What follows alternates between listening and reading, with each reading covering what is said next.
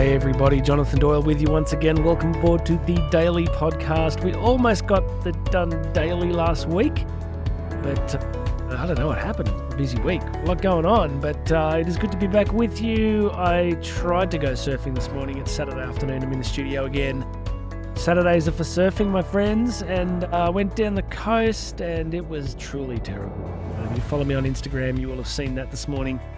It was cold, it was raining, it was grey, the surf was terrible, but I did go full Goggins mode and managed to jump into the ocean for a while with uh, just a pair of board shorts on. Didn't even put a wetsuit on. It was, uh, I don't know, I just love putting that old brain of mine under pressure. And uh, I put my brain under pressure yesterday because it was 36 degrees Celsius. And for my American friends, I don't know what that is. It, has got to be over 100 uh, Fahrenheit. I, I, have to do a conversion, but I went out and did 75 kilometers on the bike. And uh, then I had dinner with Karen. We had our date night last night. And I got to tell you, a little dehydrated. Karen's like looking across the table, like, "How you doing?"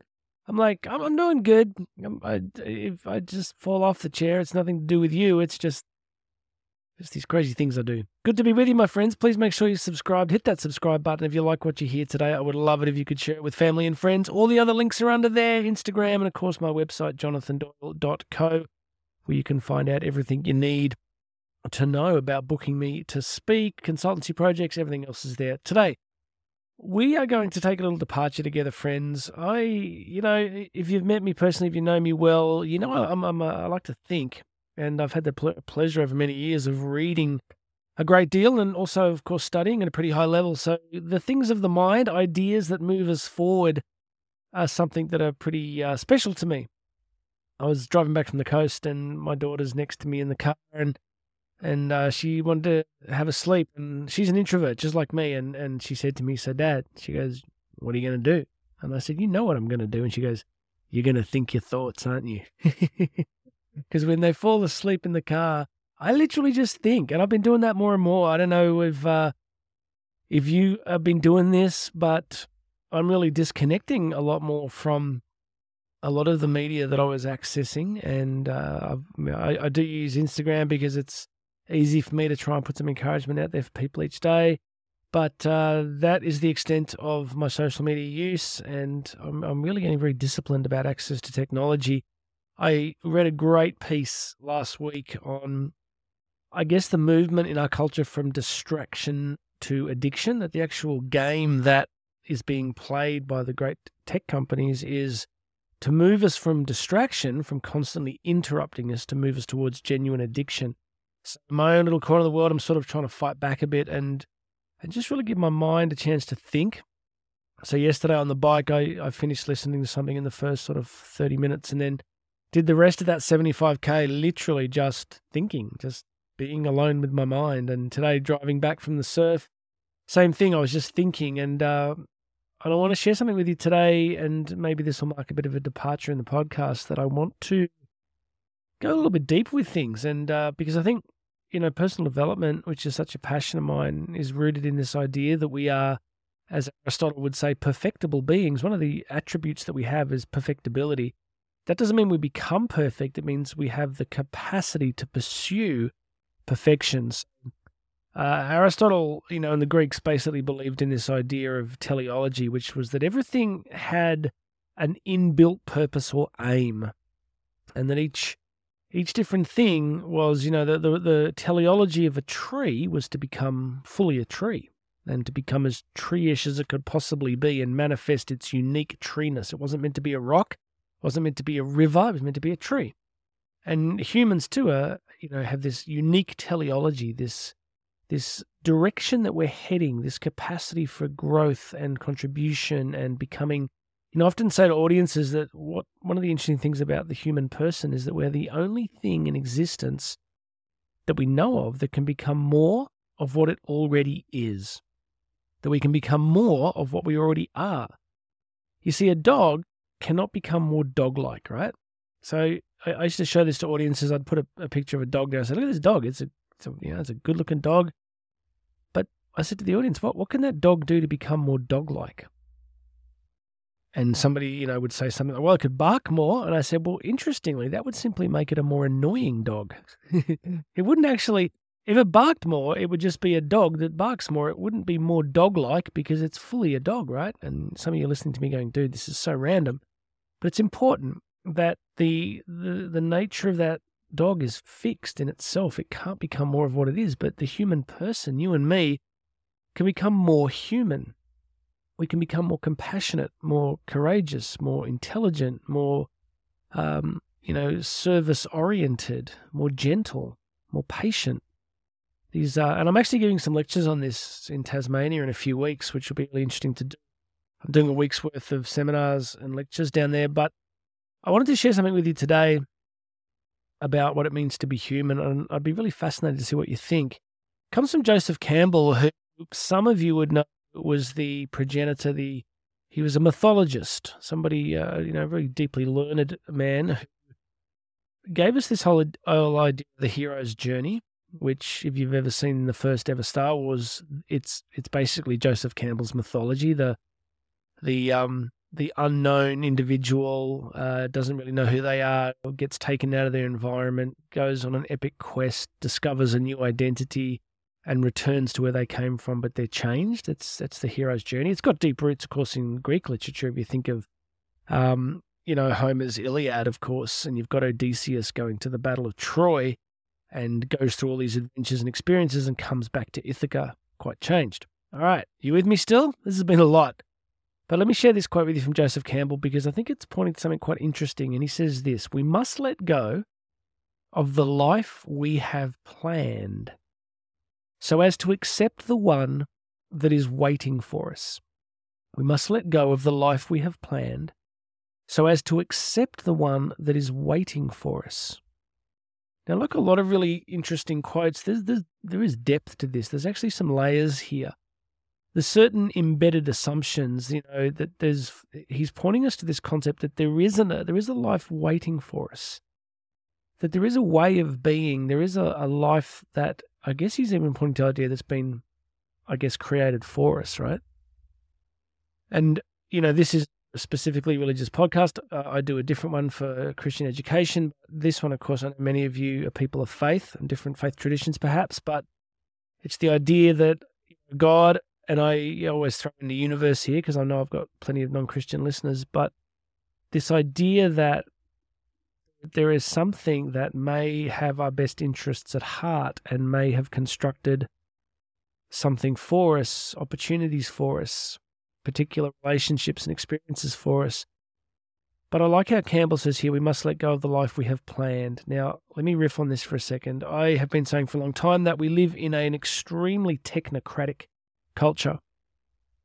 And it's our culture is quite Promethean in the sense that, you know, the, the Greek myth of Prometheus, that stole fire from the gods and then paid the price we kind of live in a culture where through technocracy we think we can control reality itself.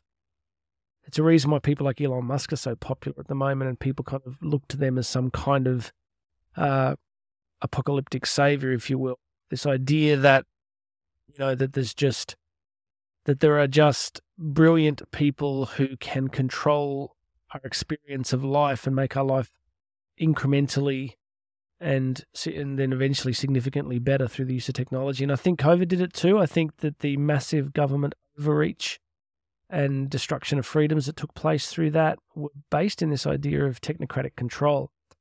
So let me put this together. What I'm trying to get at is we have to see the waters that we're swimming in as a society, and the, and the waters we're swimming in have something to do with technological control of reality. And it's interesting because in the personal development space, we have this idea that goals and discipline, we can structure and build our life the way we want. And all of us pretty much are exposed to social media, of course, and we see these idealized, perfected lives, right?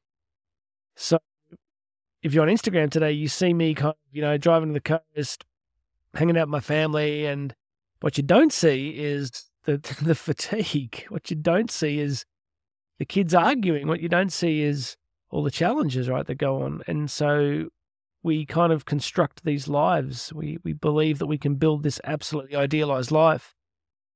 But what if this constant push towards um, I mean, do you get stressed? Do you notice that the more that we often drive towards this idea of life should be different? You know, if life's hard or difficult, there's this idea that it should be radically different. That, you know, that maybe if things are hard, it's we're not living the correct life.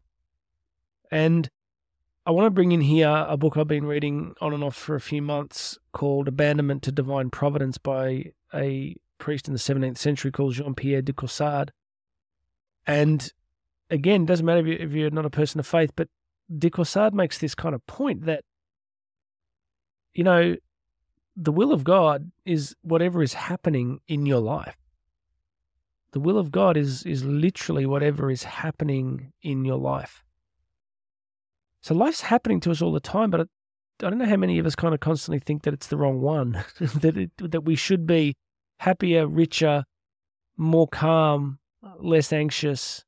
But of course, we're not a lot, of the time. So let's hear from Joseph Campbell again. He says, We must let go of the life we have planned so as to accept the one that is waiting for us. This is helping me because the journey that I've been on recently, and Karen and I were talking about this at dinner last night, like I am by nature a very calm, uh, introverted person. So I, I like calmness and predictability and order and everything just to be predictable. And we have three teenagers who are not particularly, not particularly accommodating to my needs. And because I, you know, I have a background with sort of PTSD and stuff, and I, I can, I find can find it really hard. And I've noticed in myself, I'm like, it should be different. It should be different. Like, and reading this today and sort of reflecting with you guys, I'm, I'm thinking that the invitation in all our stresses and challenges is perhaps a little more acceptance. And I think what I'm trying to push towards is if if this is the life that we have, moment to moment, then what if we just kind of embraced where we really are right now?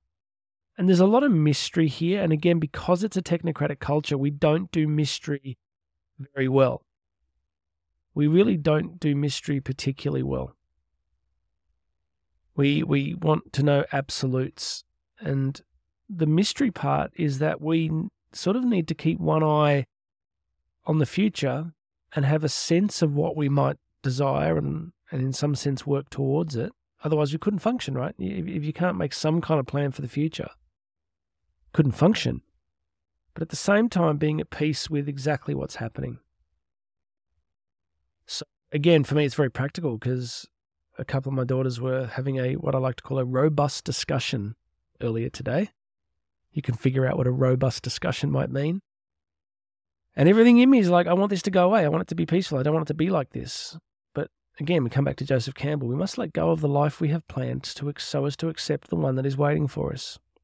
So, this brings me to another theme that I often talk about in the podcast, which is the theme around acceptance, right? Like learning to just accept exactly what's happening because once you accept what's happening, then you become reliant upon grace in that moment.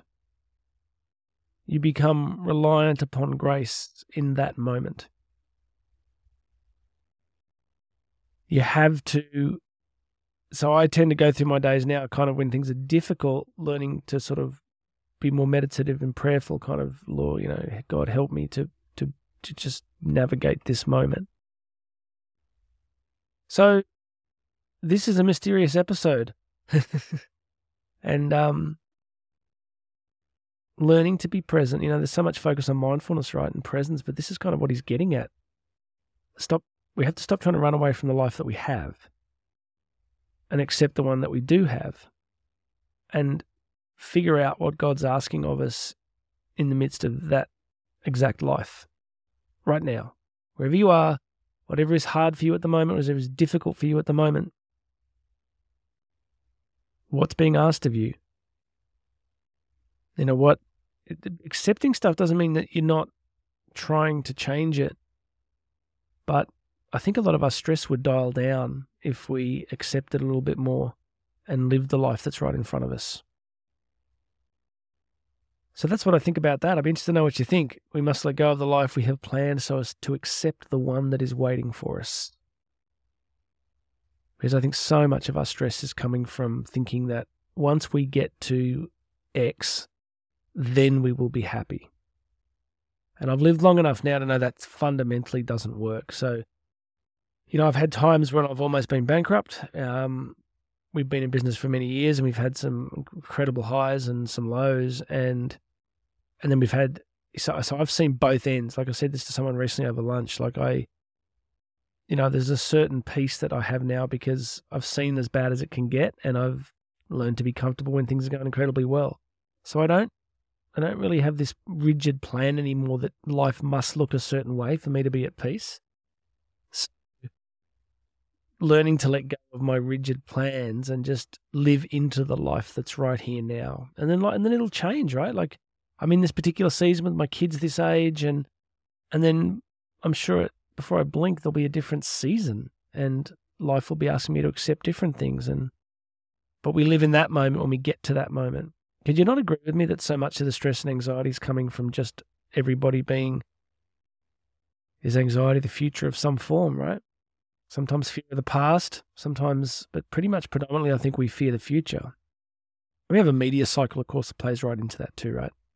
That it, you know, if it bleeds, it leads. Whatever, whatever fear can be leveraged in legacy media to keep us worried about the future. So, my friends, one of the keys to personal development for us today is to simply be gentle with our rigid rules about how the future has to look and turn our attention to accepting what's right in front of us and being in that particular moment. I was reading today the obituary of, of a priest that died in Louisiana and um, Father Mark Beard, who, you know, was just a phenomenal speaker and really influential guy and and 61, right? He was still kind of really at the peak of his powers and just had a tragic car accident and died unexpectedly. Like, you know, none of us can rule that out, right? None of us can rule out that we don't know we get tomorrow. So, wouldn't it be better to just be really present to the life you have today, to the people around you today, to their needs today, to contributing to them today? Because you do not get the guarantee of tomorrow. You don't get it. So, all of these plans that we can sometimes make and all these rules we can create about what constitutes, uh, you know, I think the rules that we create are like, well, when life looks like this, then I will finally accept that I'm allowed to be happy and peace. And if you've made that day sometime 10 years from now, or when the kids have left, or when you've paid off your mortgage, or when, if you've made that kind of rule, that's a long time to wait, and you also have no guarantee that you'll live that long. So it would make a lot more sense for all of us to start pressing into this present moment. All right, I don't know what you got out of that. I enjoy talking about it. So whether it's just me and Mum on the podcast, you know, Mum, thanks for listening. God bless you, my friends. Um, please make sure you're subscribed if it's helpful. If it raises questions for you, you can email me, uh, jonathan at jonathandoyle.co, or you can contact me through the website, jonathandoyle.co. Uh, or send me a DM on Instagram, J Doyle Speaks, J Doyle Speaks. But go check out the website. You can find out how to book me to speak on a whole bunch of topics. Um, but God bless you, my friends. My name's Jonathan Doyle.